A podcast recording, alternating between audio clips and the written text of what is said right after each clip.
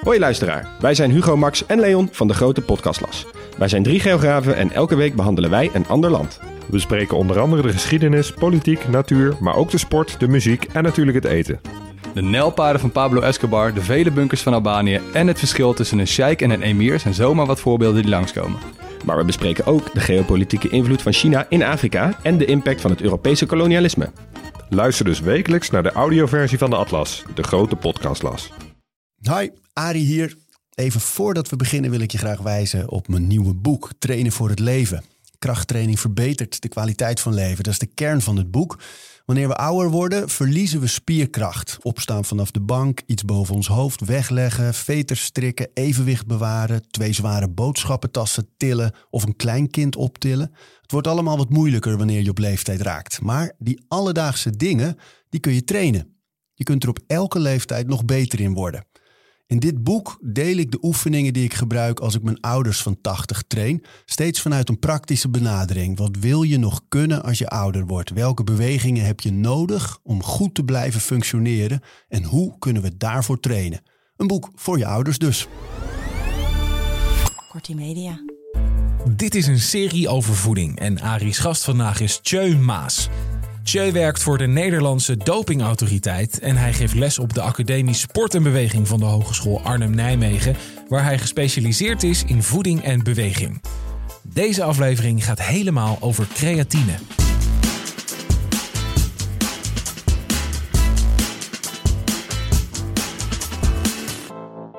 Tjeu, we gaan het uitgebreid hebben over creatine.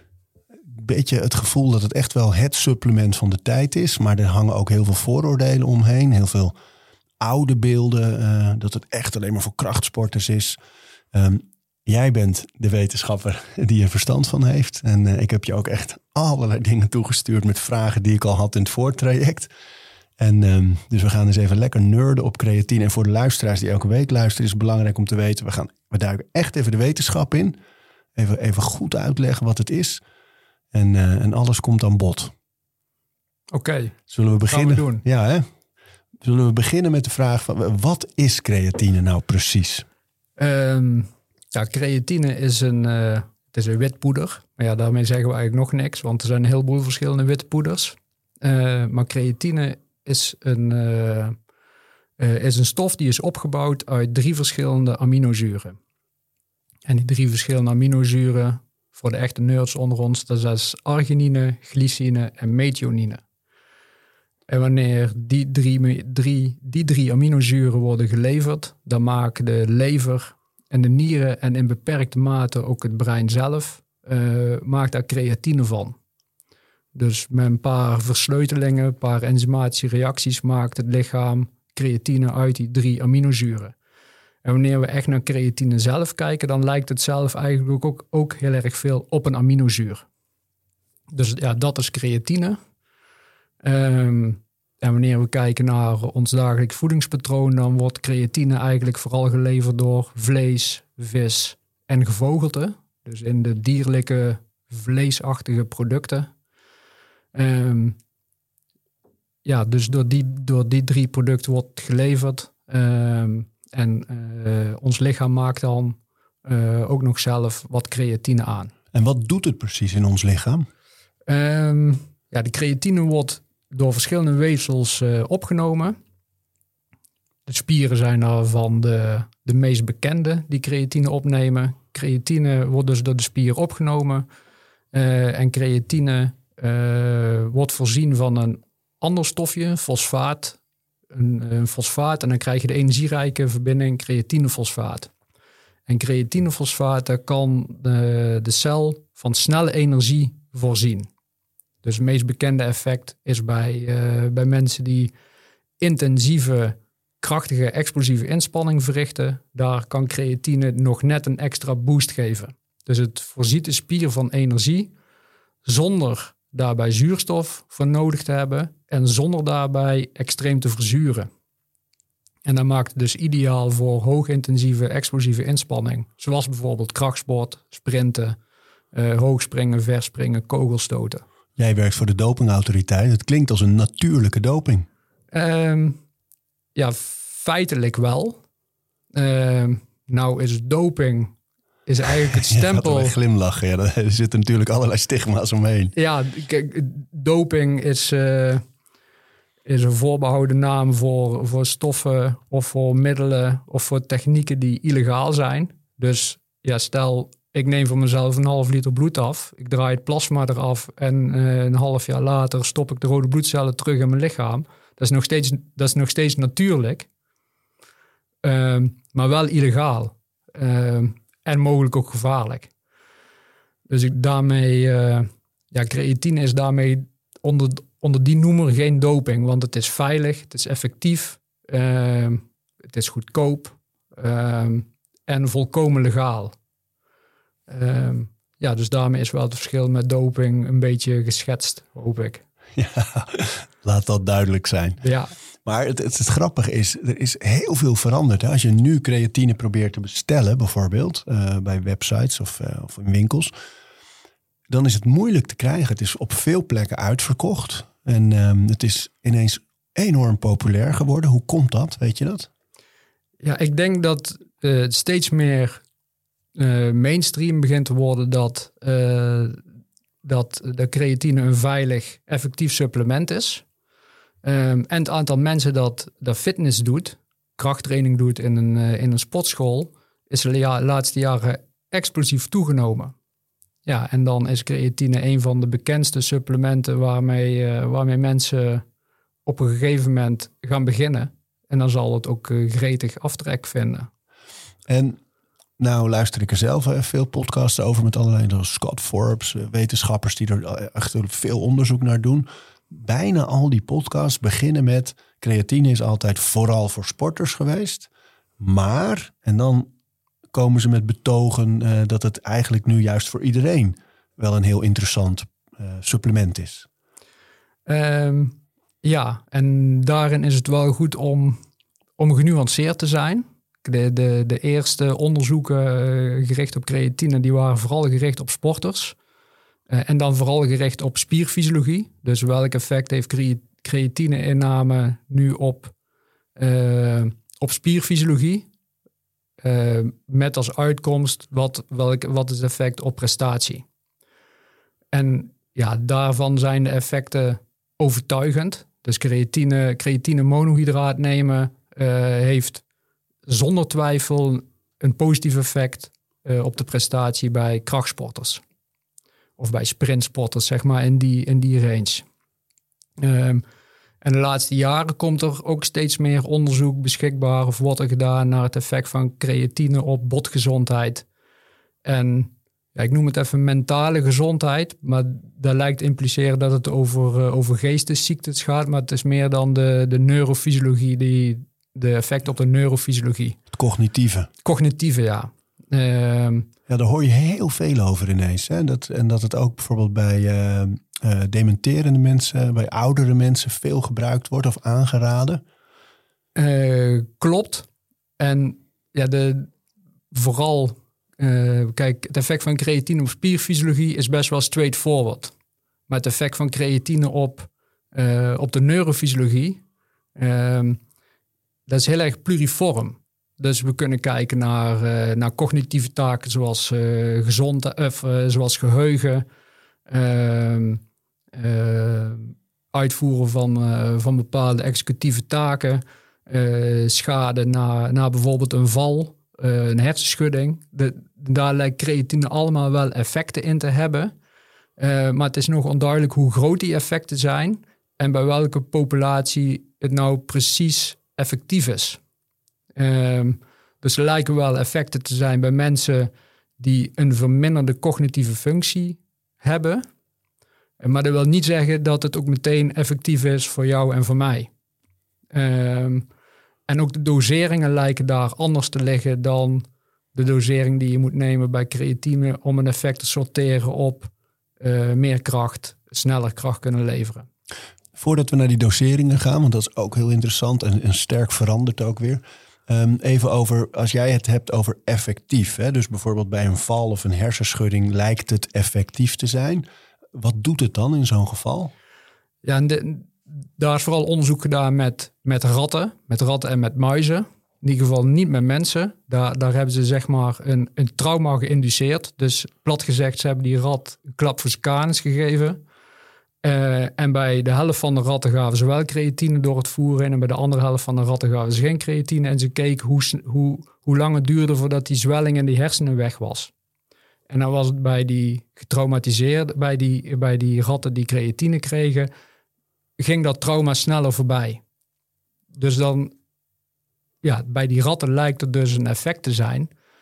Maar bij mensen is zo'n onderzoek lastig uit te voeren. En ook niet zomaar één op één te vertalen, de effecten van ratten, één op één te vertalen naar de effecten bij mensen. Het is vaak wel in de wetenschap een voorloper. Hè? Van het is nu voldoende op dieren getest en daar kan je van alles van vinden. Maar goed, dat is in de wetenschap dan nog zo.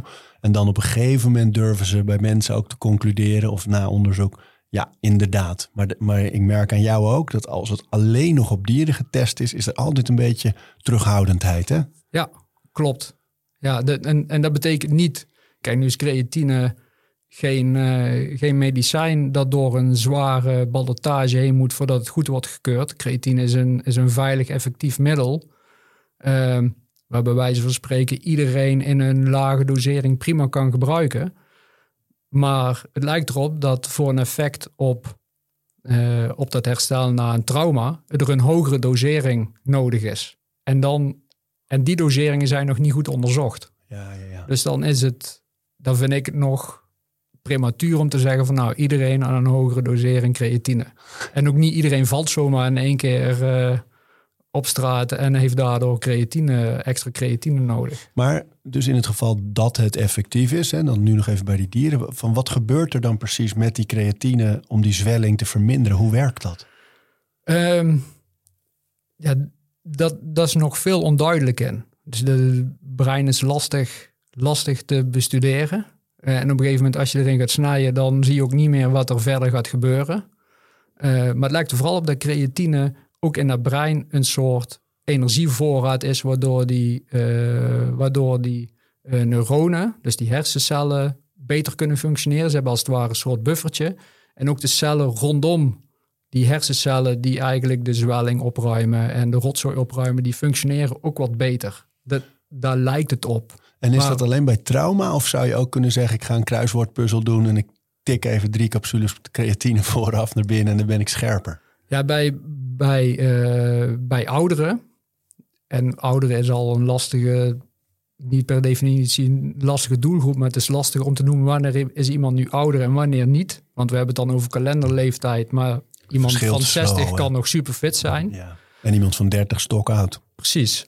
Ehm, maar dan wordt bijvoorbeeld een doelgroep genomen van eh, 65 jaar en ouder. En dan, eh, dan geven ze een deel van die 65-jarigen geven ze wel creatine en de andere helft geven ze geen creatine. En dan kijken ze bijvoorbeeld naar, eh, naar het terugzeggen van het alfabet achteruit. En in hoeverre dat dan verbetert door het nemen van creatine. En dan, dan lijkt er wel effect te zijn.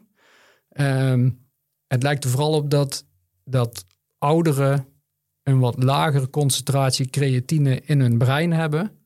En dat het verhogen van die hoeveelheid creatine in het brein ja, die breinfunctie verbetert.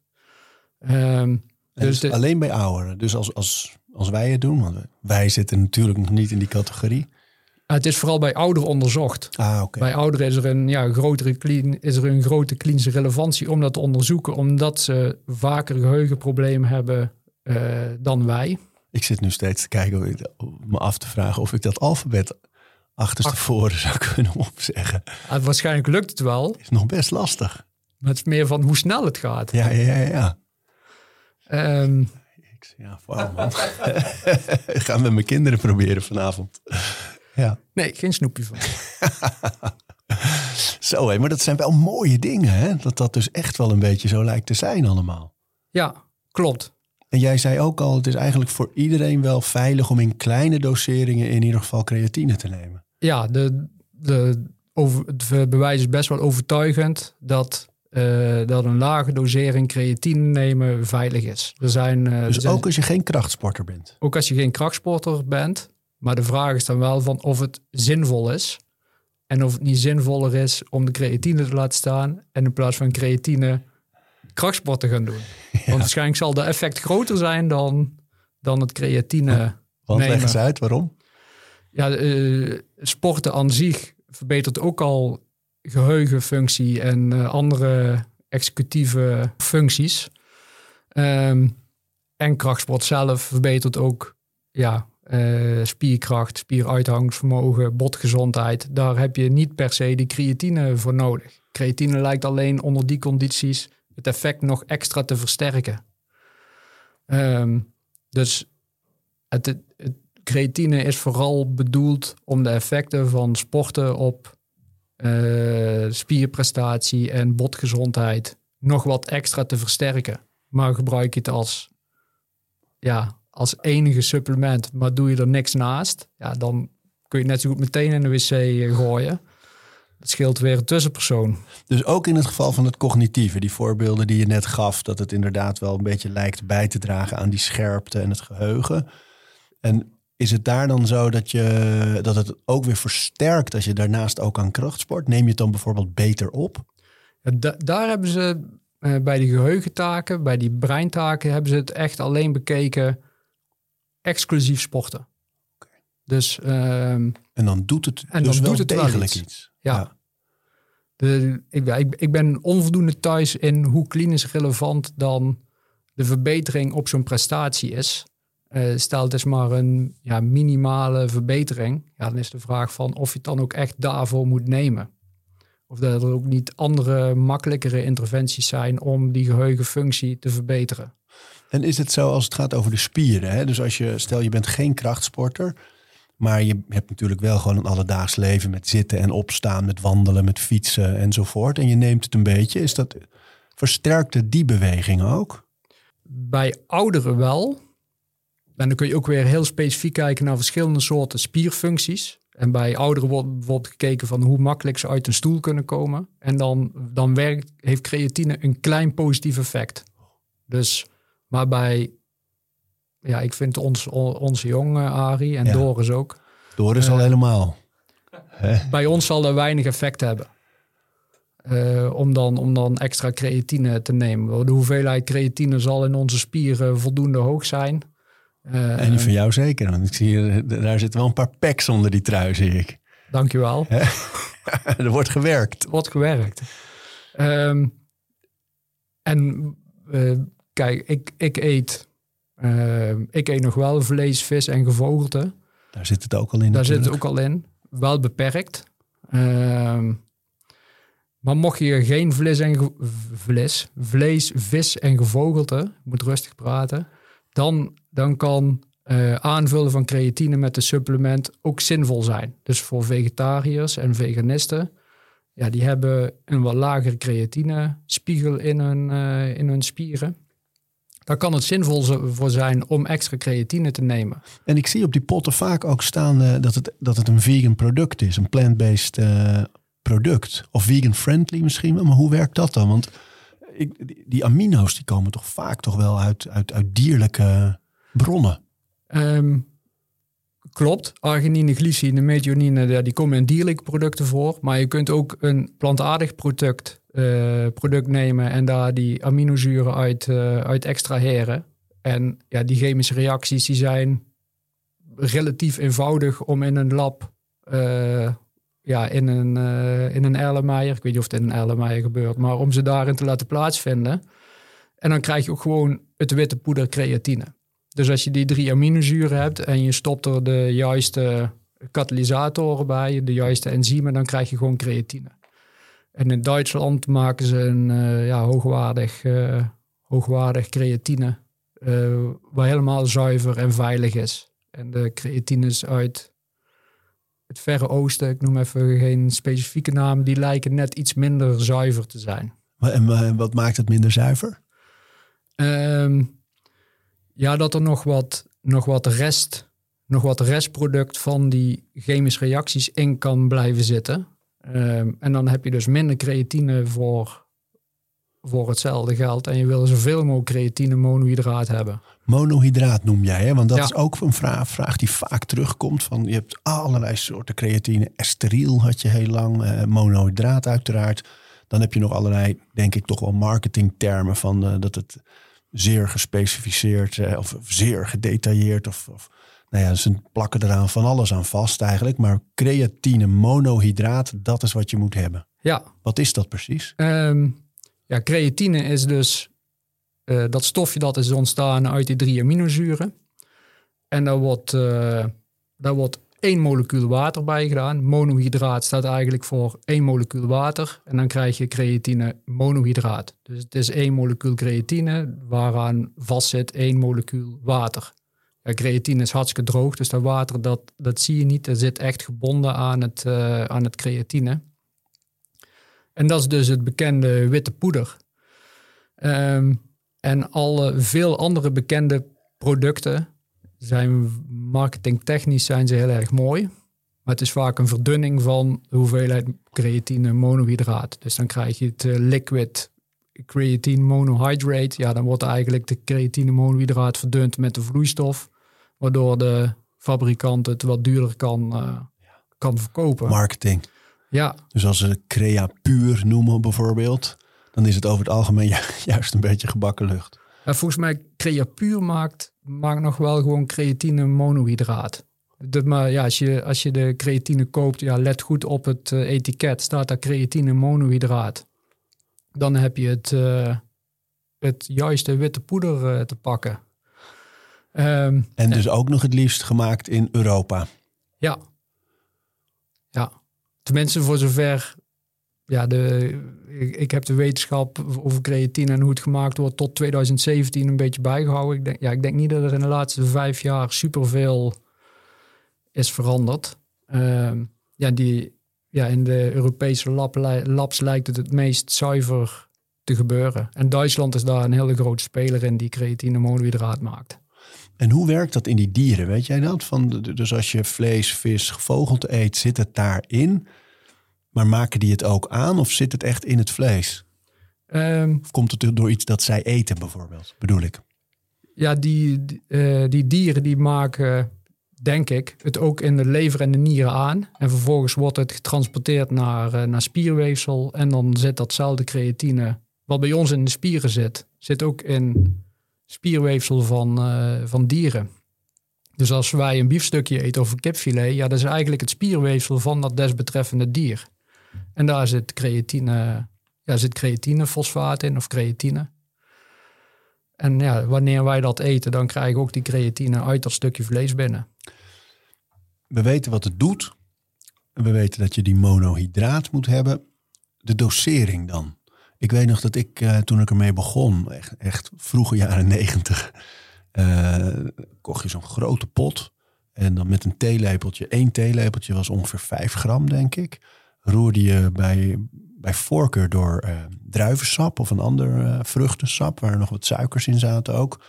Hup, tik, tik, tik, achterover. En altijd zo'n beetje een half uur voor de training. Dat was toen. En had je ook nog een paar weken dat je het moest laden. Dus dan nam je iets meer. En dan in totaal ongeveer twee maanden. En dan waarschuwden ze erbij. Heel veel water drinken. Geen koffie. Geen alcohol. was heel streng en geheimzinnig nog een beetje. Dat is wel veranderd allemaal, hè? Ja, klopt. Zowel wat betreft eh, de dosering is, eh, zijn, er, eh, zijn er veranderingen. In combinatie met creatine is, zijn er veranderingen opgetreden. En het laatste wat ik je hoorde zeggen over dat je er extreem veel bij moest drinken, ja, dat is ook wel veranderd. Ja. Dus we- wanneer we naar die eerste kijken, naar dosering, ja, er, zijn, er zijn verschillende protocollen. De drie bekendste zijn nou, creatine nemen met oplaadfase en vervolgens een onderhoudsfase. Het tweede doseringsprotocol is eh, ja, eigenlijk van meet af onderhoudsfase nemen. En de derde lijkt eigenlijk ook op de onderhoudsfaseprotocol, alleen dan wordt de dosering afgestemd op lichaamsgewicht. Dus wanneer we naar die eerste kijken, ja, dan wordt inderdaad gezegd van nou neem eh 20 tot 25 gram per dag verdeeld over vier, eh, vier momenten. Dus niet die 20 gram in één keer. Want dan, ja, dan kun je daar ook wat diarree van krijgen. Dat is niet wenselijk. En als je dat vijf tot zeven dagen hebt gedaan, dan ga je naar een onderhoudsdosering van 3 tot 5 gram.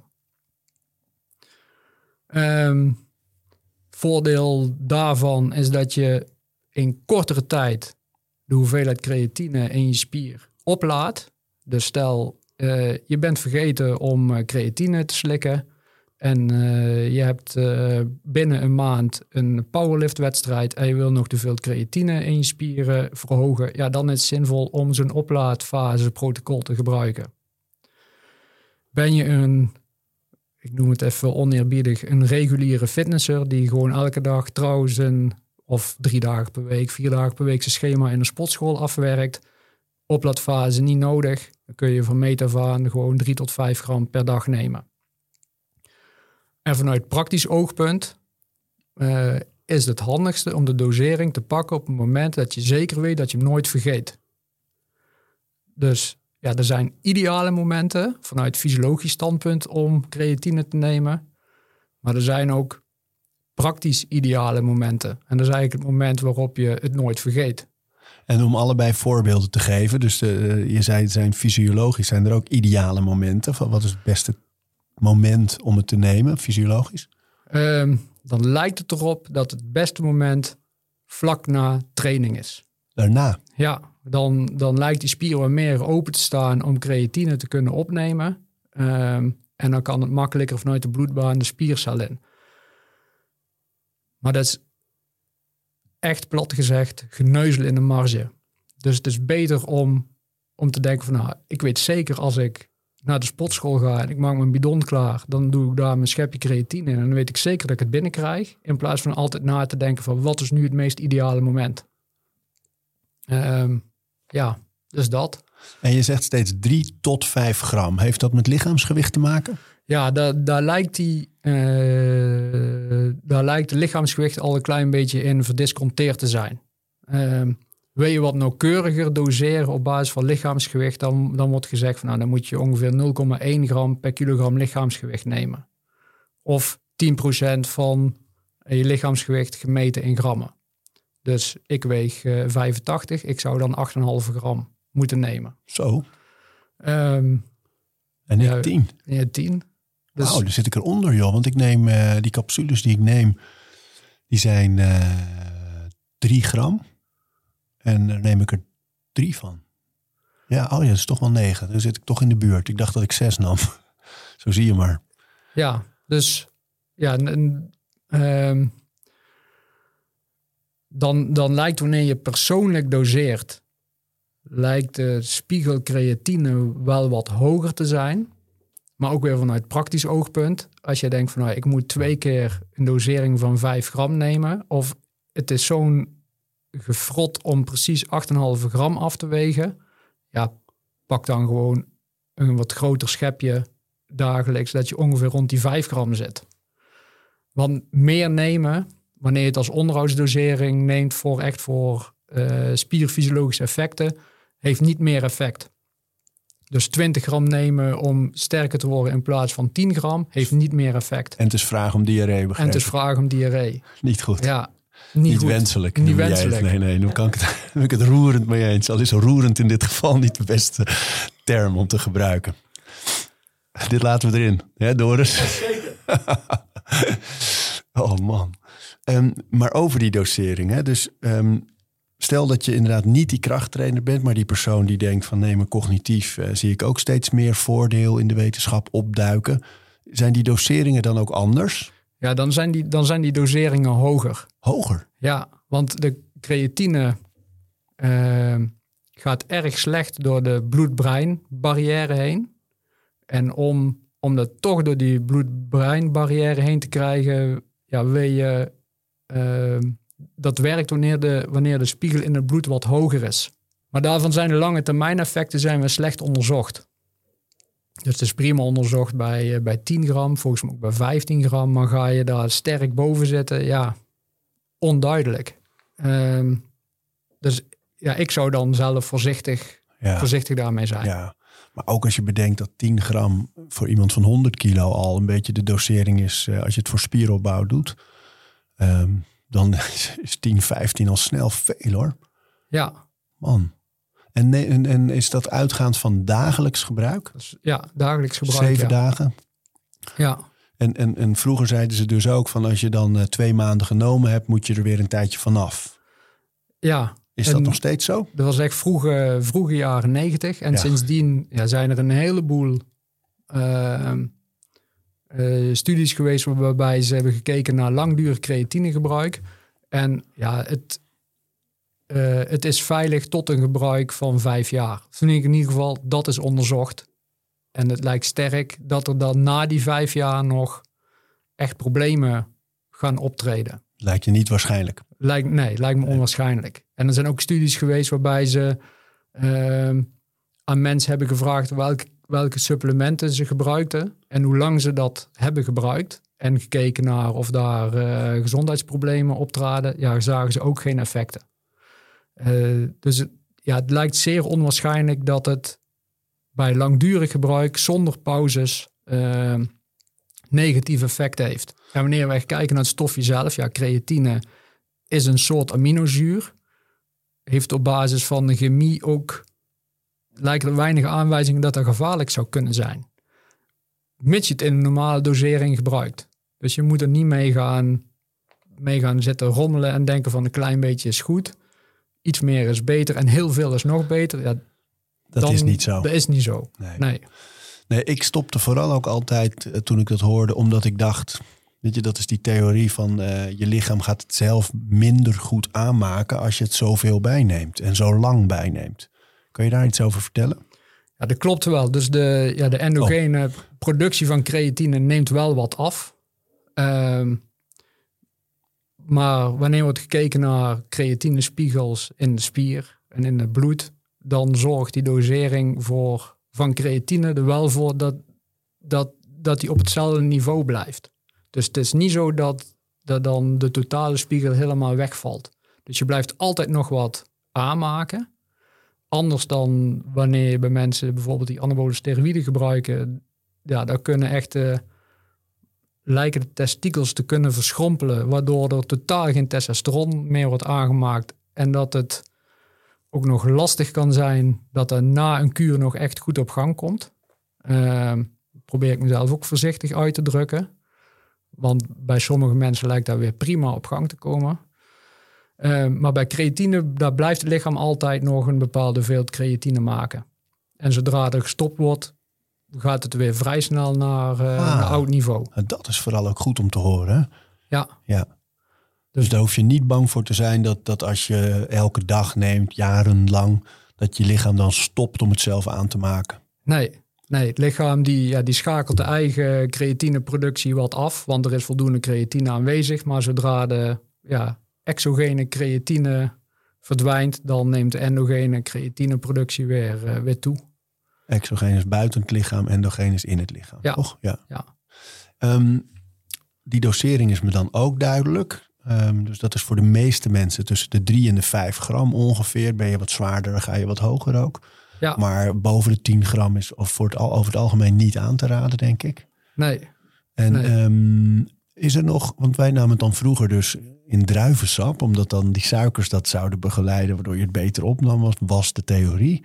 Is er een manier waarop je het het beste opneemt? Ehm, ja, de opname van creatine lijkt wel wat beter wanneer je het combineert met koolhydraten. Eh, m- maar dat hoeft niet per se met, met druivensap of met, eh, met een ander vruchtensap. Er kunnen ook koolhydraten uit je, je normale ontbijt zijn, normale avondmaaltijd. Dan wordt het wat beter, eh, wat beter opgenomen. En nou is de opname van creatine is al erg goed. Dus het is niet zo dat er, wanneer je dat niet zou doen, dat de creatine niet wordt opgenomen. Het is alleen een extra, ja, een extra boost.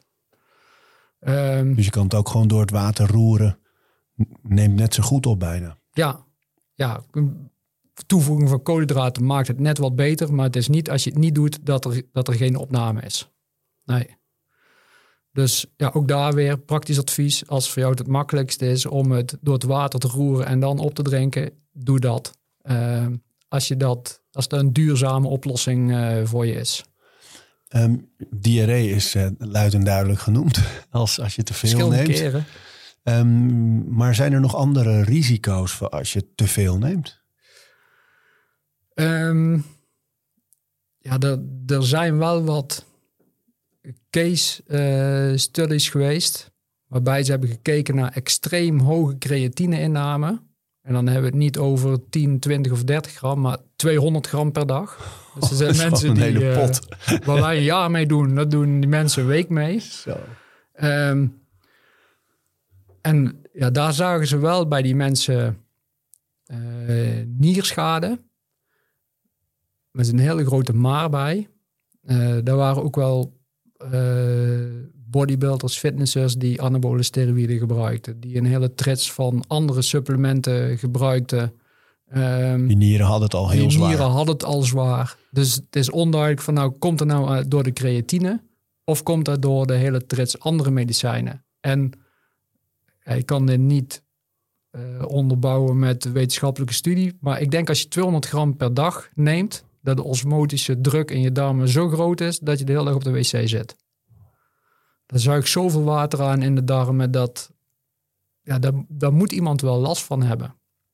En misschien heeft daar ook weer voor uitdroging gezorgd en een extra stress op de nieren en is daardoor iemand daardoor in het ziekenhuis beland. Maar Ja, want je noemt nu uitdroging. Dat, dat is ook een van de, de, de vooroordelen of de, de mythes die er nog omheen hangen. Ehm, dat je ervan uitdroogt. Ja, ehm, en dat ligt, ligt genuanceerd. Eh, wanneer we kijken naar creatine, creatine zuigt heel graag water aan.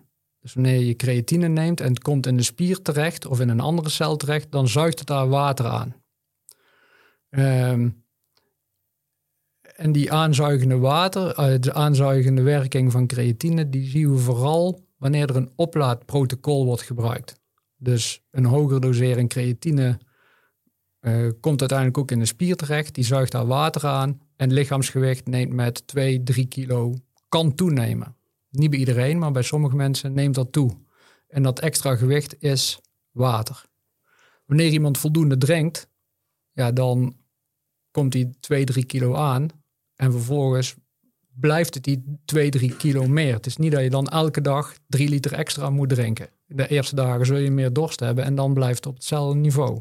Ehm, wanneer er langer wordt gekeken naar het effect van creatine op hoeveelheid water in het lichaam en lichaamsgewicht toename, dan zien we een ander beeld. Dus na, eh, na ongeveer acht weken, en misschien al eerder, dan zie je dat het lichaamsgewicht eigenlijk weer lager wordt. Dus het lichaam raakt dat extra water weer kwijt. Ehm, dus ja, in het begin kan het zorgen voor toename van lichaamsgewicht. En in sommige condities kan dat misschien zelfs zinvol zijn. Stel je gaat een marathon eh, lopen en je wil een extra waterbuffer hebben. Nou, dan creatine kan ervoor zorgen dat je eigenlijk een grotere rugzak aan water in je lijf hebt. Maar je moet dan wel in die tijd voldoende drinken. Ehm, maar het zal niet zo zijn als je, als je, je vochtconsumptie groot genoeg is dat je daardoor zult gaan uitdrogen. Nee, dat is zeer onwaarschijnlijk. Dus dat is de, waarschijnlijk hetzelfde antwoord op de vraag dat het hoofdpijn veroorzaakt. Ja, want die hoofdpijn lijkt dan gerelateerd aan een dehydratie, hoofdpijn. En wanneer je voldoende drinkt, ja, dan, dan treedt dat niet op. En de effecten op lange termijn lijken er helemaal niet op te wijzen dat lichaamsgewicht echt substantieel zal toenemen. Er zijn sommige mensen, uit sommige studies lijkt alsof het lichaamsgewicht wel wat toeneemt en bij andere mensen juist weer niet. Ehm, ja, dus als, als het effect er is op lange termijn, is het mild. Ehm, er is ook altijd, als je het noemt ergens, creatine, komen er altijd wel van mannen met name eh, opmerkingen over dat je haar er dunner van wordt. Dat het iets met je hormoonhuishouding doet.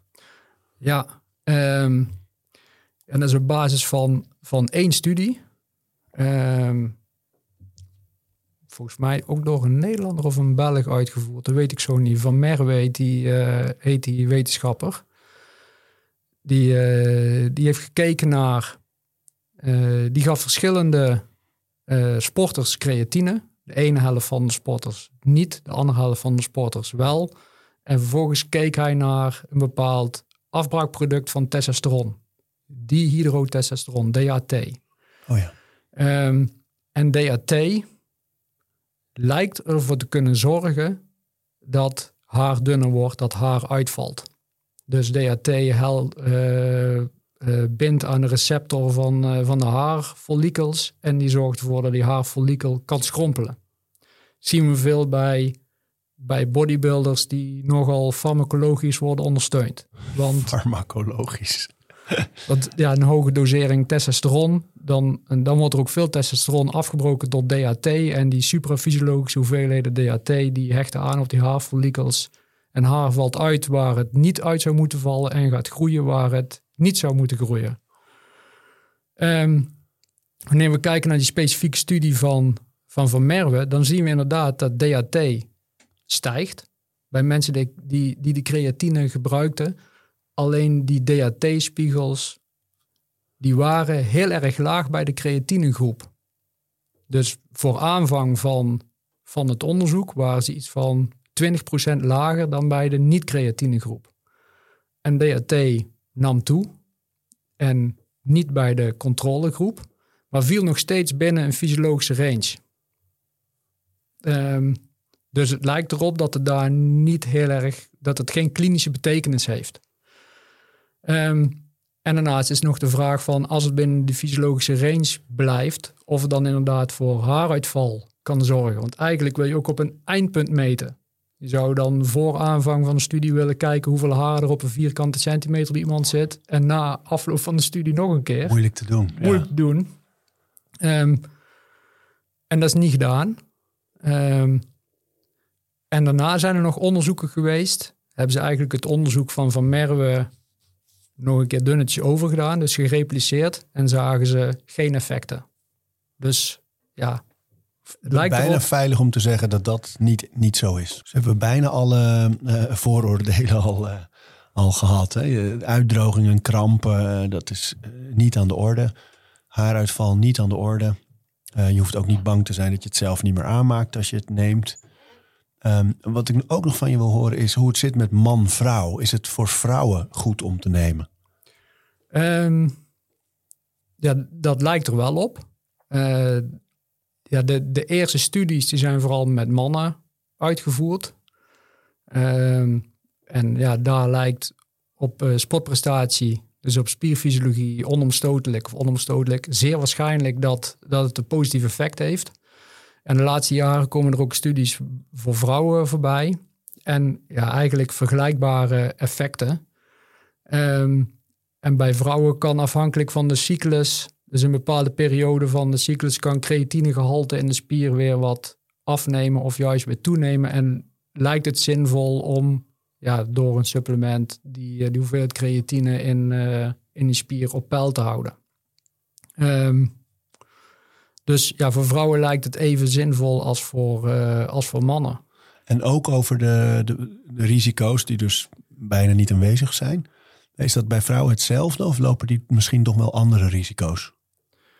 Voor zover ik weet niet. Nee, hebben die geen andere risico's. Eh, vrouwen lijken net wel wat makkelijker te reageren op creatine. Dus lijkt het net een wel groter effect te hebben. Lijkt uit eerste studies, maar Good for them. ja, Dat precies. is alleen maar mooi natuurlijk.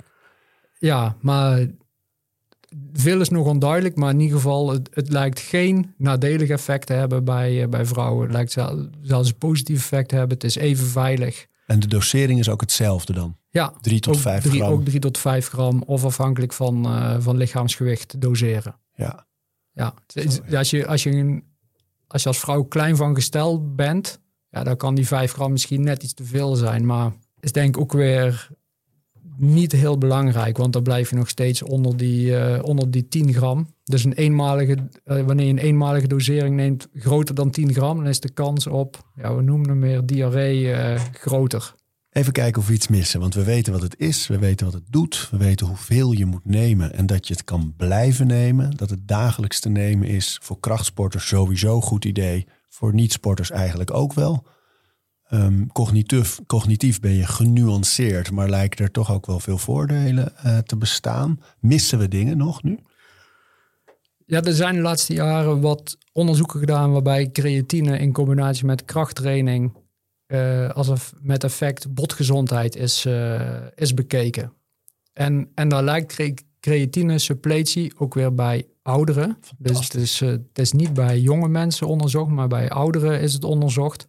Dat lijkt de combinatie van creatine en krachttraining uh, ervoor te zorgen dat ja, de, de bone density, de hè? bone density, de botmineraal dichtheid, Ja. dat die toeneemt. Wauw. Ehm, wanneer alleen creatine wordt genomen, dan wordt dat effect niet gezien. Dus je moet trainen Dus je erbij. moet trainen. Ja, Sowieso natuurlijk. sowieso. Maar Ja. ja. creatine, combinatie met krachttraining, zorgt voor een additioneel effect. Eh, wanneer je het eh, vergelijkt met alleen krachttraining doen. Ja, en daarom natuurlijk ook daar weer bij ouderen onderzocht, omdat de noodzaak veel hoger is en, en de voordelen veel belangrijker zijn geworden voor die, die botsterkte. Hè? Precies. Je valt Ja. dat je het een beetje heel houdt allemaal. Ja, Zo, dat is, wel een mooi onderzoek. klopt. En, en daarover, hè, want ik twijfel vaak. Ik, ik, mijn ouders zijn 80 en ik train ze en ik eh, proteïne weet ik van, oké, dat, dat durf ik ze te adviseren van neem dat gewoon elke dag. En hoe ouder je wordt, mag je echt wel die dosering wat opvoeren. Alleen eh, creatine durf ik nog niet helemaal. Terwijl ik, ik lees ook die onderzoeken en ik zie dat het juist ook voor ouderen zoveel voordelen heeft. Maar ik durf nog niet tegen mijn, mijn ouders van 80 te zeggen, die één of twee keer in de week krachttraining doen. eh, neem het maar. Ja, ik, ik wil een beetje wegblijven van echt medische claims te gaan doen. Ja. Ehm, maar ja, creatine lijkt heel veilig te zijn, ook bij langdurig gebruik. Eh, maar er moet wel een trainingsprikkel worden gegeven. Ja, Ehm, dus wanneer die trainingsprikkel er niet is, ja, dan, dan heb je er niks aan. nee. Maar zonder jou nu in de hoek te duwen van ko- kom maar met advies. Toch even mijn persoonlijke eh, leven met, met, met mijn ouders. Hè. Die doen dus zo twee keer in de week aan krachttraining. Ze wandelen veel. Eh, ze, doen natuurlijk ook het zitten en opstaan, een trap lopen, boodschappentassen tillen. Maar twee keer in de week ook echt krachttraining met ijzer, met deadlifts en, eh, en squats. En shoulder presses. Ehm, dan is het dus wel eigenlijk wel raadzaam om toch maar gewoon te doen, hè, elke dag. Ja, dan, dan lijkt het een, een additioneel effect te hebben. Ja. Dus vooral bij, bij sporten. Dus wil je aan je botgezondheid werken, wil je die op peil houden, dan moet er een impact zijn. Dus krachttraining, wandelen, springen, hardlopen zijn allemaal impactsporten. En vooral krachttraining is zinvol, want daar is er niet alleen maar impact op de knieën en de heupen, maar ook op, eh, op, eh, op het spaakbeen en op de pols en op je schouder. Die ook gevoelig zijn voor, eh, voor breuk bij, eh, bij osteoporose. En nemen van creatine lijkt dan een, een extra positief effect te hebben. Je hebt me, ja, ik, ik wil je niet, jij- jij wil niet adviseren, geen medisch advies geven, maar dit was voor mij wel de druppeltje. Ik ga ze gewoon, eh, ik ga ze gewoon adviseren hoor. Ja, en dan pak ik wel een wetenschap, een, een onderzoek bij. Want Scott Forbes had daar ook laatst weer heel, ik denk wel drie onderzoeken over gepubliceerd. Klopt. Ehm, Dat is trouwens sowieso voor luisteraars. Als je nog meer wil weten over creatine. Die Scott Forbes is wel een beetje Dr. Creatine geworden. Hè? Al jarenlang bezig met onderzoek. En ook als middleman. Dus het verwijzen naar andere onderzoeken. Ook wel echt een Klopt. goede gids. Ja, Veel podcasts in het Engels. Maar ik vond het zo leuk om jou uit te nodigen. Zodat we er een in het Nederlands ook hebben hierover. Met alle dingen. Ja, en, en, en even, want ik denk dat we creatine zo voldoende hebben uitgelegd. Ik wil één ding nog weten voordat ik even jou nog iets anders wil vragen over je boek. Wat een, wat een aanrader is. Ehm, we hebben het over enorme voordelen voor mensen op ouderdom, omdat dat gewoon veel meer onderzocht is. Is het nou voor jonge mensen, stel je bent een twintiger, een dertiger, is het nou net zo goed om het gewoon dagelijks te nemen? Ehm, ja er moet een voorwaarde zijn om het te nemen. Dus wanneer we puur kijken naar, naar gezondheid. Stel, eh, je sport veel, je rookt niet, je drinkt, eh, je drinkt bijna niet, eh, je eet gezond. Ehm, en je gebruikt een gemengde voeding, dus met vlees, vis en gevogelte. Dan lijkt er geen grondslag te zijn om creatine te gebruiken, puur voor gezondheid. Wanneer je prestatie wil verbeteren in een sportschool, of misschien nog in wat andere explosieve sporten, en misschien bij sommige duurprestaties, ja, dan kan creatine extra effect hebben. Ehm, voor Eh, voor veganisten en voor vegetariërs die niet per se een sportprestatie willen nastreven, is creatine niet per se nodig. Willen die wel hun prestatie in de sportschool verbeteren, ja, dan is creatine wel echt een van de effectievere voedingssupplementen. Omdat ja, veganisten, vegetariërs hebben een wat lagere creatine spiegel in hun spieren. Dus die zullen ook beter reageren dan iemand die wel vlees, vis en, uh, en gevogeld eet. Duidelijk. En dan over je boek. Maar even, want het gaat echt over, over kracht. Ja, we hebben uh, voor de dopingautoriteit hebben we het eigen krachtinitiatief. En het eigen krachtinitiatief richt zich op, uh, ja, op de esthetische sporter die dat natuurlijk wil doen. Dus alle vrouwen en mannen die meer spiermassa willen, fitter, sterker, slanker en er beter uit willen zien. Daar richt, uh, daar richt eigen kracht zich op. We hebben een website, daar vind je nieuwsberichten. Er is een supplementenwijzer waarop je kunt kijken of je supplement werkt, veilig en effectief is. En er is het eigen krachtboek. En het eigen krachtboek richt zich dus ook op, uh, op die doelgroep. En bestaat uit verschillende, ja, verschillende hoofdstukken. Maar dat is eigenlijk een dooddoener met een boek, want elk boek heeft verschillende hoofdstukken. we richten ons uh, op uh, ja, voeding rondom krachtsport. Dus wat zou je nu uh, kunnen eten? Wat is nou handig om te eten als je aan krachtsport doet? We bespreken de verschillende mechanismen hoe spiergroei tot stand komt. En we proberen een eenvoudig krachttrainingsschema te presenteren. En we hebben het ook over hoe overgewicht, obesitas in Nederland, hoe vaak dat voorkomt, wat oorzaken daarvan zijn en wat je er zelf aan kunt doen om, uh, om, om dat te voorkomen. Zo joh, daar hoorde ik ook over. Hè? Dat je nu in de podcast ook vaak die wetenschappers hoort roepen. Het gaat niet zozeer om dat we overgewicht hebben, maar dat we undermuscled zijn. Ken je die theorie nu? Die, uh, dat ze eigenlijk zeggen, om ons gebrek aan spieren in de westerse samenleving, dat is het grote gezondheidsprobleem. Ben je het daarmee eens? Kijk, dan gaat mijn persoonlijke mening uh, doorspelen. Ik, ik, weet, ik wetenschappelijk weet ik er onvoldoende vanaf om, om daar een goed oordeel over te geven. Uh, maar in ieder geval, ja, voldoende spiermassa is een, is een voorwaarde om uh, verschillende ziektes, welvaartsziektes af te wenden. En om tot hoge leeftijd ook nog mobiel en uh, zelfredzaam te zijn. Dus in die zin ben ik, ben ik het er wel mee eens. Ja, dat is ook de theorie die ze dan vaak uh, op tafel leggen. Hè? Dat het daar vooral over gaat, de, de, koppeling van spierkracht aan longevity, aan langer goed leven, langer mobiel blijven en in staat blijven de dingen te doen die je nodig hebt om te leven. Daar gaat het vooral over. Maar ja, dus, in het boek is dat niet, dat is niet de toon. Die, die gooi ik er nu even gewoon tussendoor. Nee. Maar je zegt, je hebt, jullie hebben het ook over de voeding, hè? want dat is voor deze serie denk ik nog leuk. Sommige dingen zijn logisch, dat creatine dus en proteïne met name. Dat zijn de twee bekendste supplementen, denk ik, uh, uh, die, die, we bij krachttraining gebruiken. Zijn er nog andere supplementen of, of bepaalde voeding die echt bijdraagt aan spieropbouw?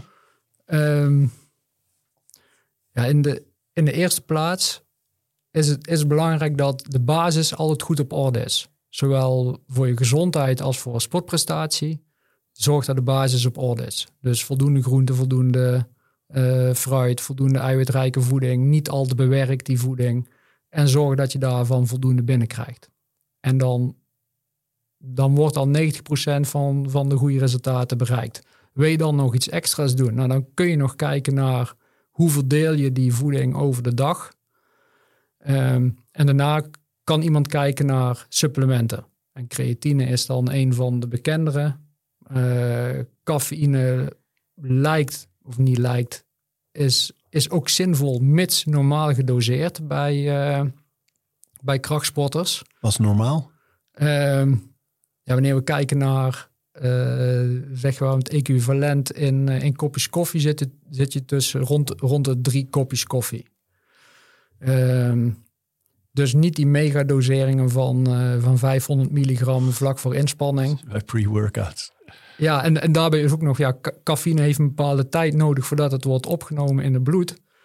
Uh, en dat kan zomaar een half uur tot drie kwartier zijn. Dus stel iemand popt een pre-workout vlak voor inspanning, dan heeft je er profijt van na zijn training.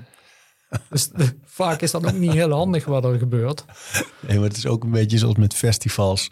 Weet je, dat mensen in de rij al een pilletje nemen. En dan, even eh, een Ja. spiegel te krijgen. ja, ja, ja, ja, maar ook als ze dan binnen zijn, slaat hij precies op het juiste moment. Tenzij die rij ineens heel lang duurt, sta je daar voor de kassa te stuiteren. Maar dat is natuurlijk met die pre-workout ook. Dat mensen die weten, een half uur, drie kwartier, die gaan thuis al lekker lopen roeren. Met dat lepeltje tegen het glas, zo ting, ting, ting. En dan, hup, precies als ze in de gym komen, eh, dan gaat hij aan. Ja, ja. Ja. Maar ja, het is, het is een lifestyle. maar ja, dus ja, cafeïne normaal gedoseerd is effectief. Hoog gedoseerd wordt die eigenlijk Destructief. destructief. Ja, ja. Ja, Maar dan heb je creatine, proteïne, cafeïne. ja beta-alanine Ja, die is interessant, hè? Daar hoor je toch wel Ehm. veel over. Jij twijfelt. Ja, kijk, eh, beta-alanine. eh, er zijn die verschillende energiesystemen in de spier. Dus je hebt het fosfaatsysteem. Nou, daar werkt creatine. Zorgt daarvoor extra effecten in. Dus voor inspanning, eh, voor spiercontracties die zonder zuurstof verlopen en waarbij geen melkzuur wordt geproduceerd. Dus waarbij er geen waterstofionen vrijkomen die de werking van de spier remmen. Daar werkt, de energiesysteem werkt ongeveer 10, 20 seconden. We hebben ook de, het energiesysteem waarbij koolhydraten zonder zuurstof worden afgebroken. En daarbij ontstaat wel waterstofionen. En die zorgen voor pijn en die zorgen ervoor dat spieren niet meer kunnen samentrekken. En er is het energiesysteem dat met zuurstof werkt. Nou, beta-alanine heeft als, ehm, als werking dat hij die waterstofionen wegvangt in de spier. En daardoor kun je langer in dat energiesysteem werken. Dat energiesysteem, dat komt, is goed op gang bij inspanning tussen de 30 seconden en ongeveer 2 minuten. Als we kijken naar een set bij, bij krachttraining, nou als ik een setje ga squatten, dan ben ik daar in geen minuut mee bezig. Dan ben ik daar onder de 30 seconden ben ik daarmee klaar. Als ik acht herhalingen pak. En bij zes herhalingen nog minder en bij vier herhalingen nog korter.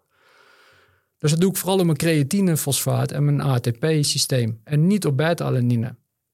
Dus beta-alanine is effectief als je in die specifieke range werkt. Maar je moet niet, een, je, moet niet je training gaan aanpassen aan het supplement dat je gaat gebruiken. Je moet een supplement gebruiken dat bij je training Maar past. vandaar dat die crossfitters wel beta-alanine fans zijn. Want die hebben natuurlijk vaak die workouts van 1,20, 1,40. Ja, En dan direct over naar het volgende. Dus daar is het misschien wel een goed supplement nog. ja dus ja, het, het lijkt te werken bij ja, een inspanningsduur langer dan 30 seconden. Ja, de, dat, bij een traditionele straight set is dat niet zo. Nee, nee, nee, niet voor de gewone krachtsporter. Precies. Man, dit is leuk joh. We hebben echt, echt lekker opgenerd. Ik zat nog één ding te denken terwijl jij zat te praten. Waar ik zelf, eh, wat ik mezelf vaak afvraag. Ik neem een creatine een beetje zoals koffie. Vroeg in de dag. Ehm, en ik heb het gevoel dat als ik het later neem op de dag. En met name in de avond. Dat het mijn slaap beïnvloedt. Klopt dat? Heb, heb ik niks over kunnen vinden, maar ik heb er ook niet naar gezocht. Dus, Nee, die had ik je ook niet voorgelegd van tevoren. nee, dus ja, weet ik niet. Het, het kan zijn, nou, als je creatine neemt en je drinkt daar extra bij, dat het, ja, de hoeveelheid vocht eh, misschien voor zorgt dat je een keer s'nachts eruit moet. In Omdat het ook is- zo'n energie, omdat het die energie in de spieren natuurlijk, dacht ik, is het misschien ook dat type energie dat je wakker houdt. Nee, Niet nee moet ik bewezen. het antwoord op schuldig blijven. Niet heb bewezen. niet, niet naar gezocht. Ja, Ik ben het ook nog nooit tegengekomen hoor. Ik, ik heb gewoon zelf die koppeling op een gegeven moment gemaakt. Dat ik dacht, oh ja, die boost die ik erin vermoed, die moet ik niet s'avonds hebben. Nee, maar ja, jij zegt eigenlijk ook als je het gewoon elke dag neemt, dan zit het gewoon in je lichaam. Dan is het niet een boost eigenlijk. nee, dan Nee. onderhoud je eigenlijk je, je spiegel. Ja, Misschien nog wel iets over creatine en cafeïne. ja. Ja, want- Ehm, Ja, dat, want ik, ik kwam heel veel tegen dat cafeïne niet zo'n goede begeleider is. En zelfs de, de werking van creatine een beetje remt.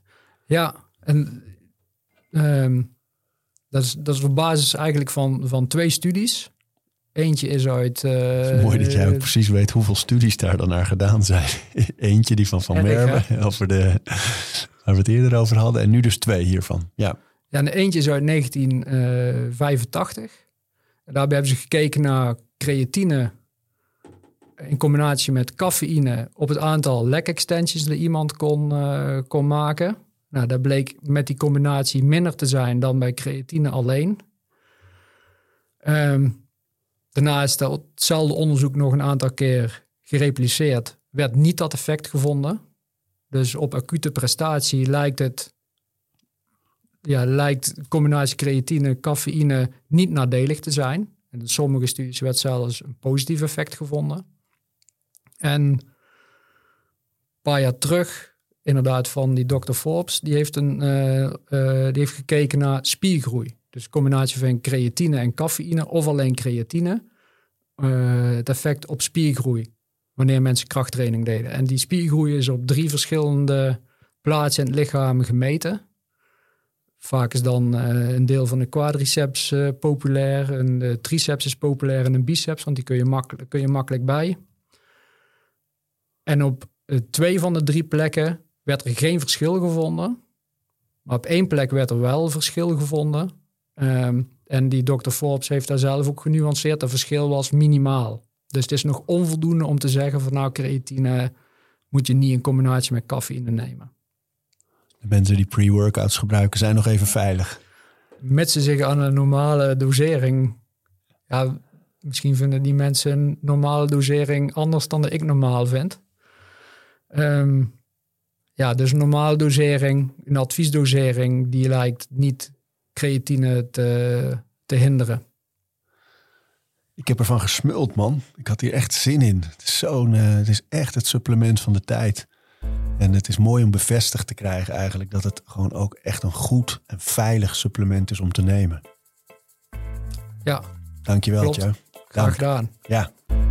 Bedankt dat je luisterde. Elke donderdag stuur ik een mailtje met drie leuke tips. Boeken, docu's, artikelen die ik tegenkwam, producten en accounts waar ik zelf veel aan had en waarvan ik denk dat jij ze ook inspirerend vindt.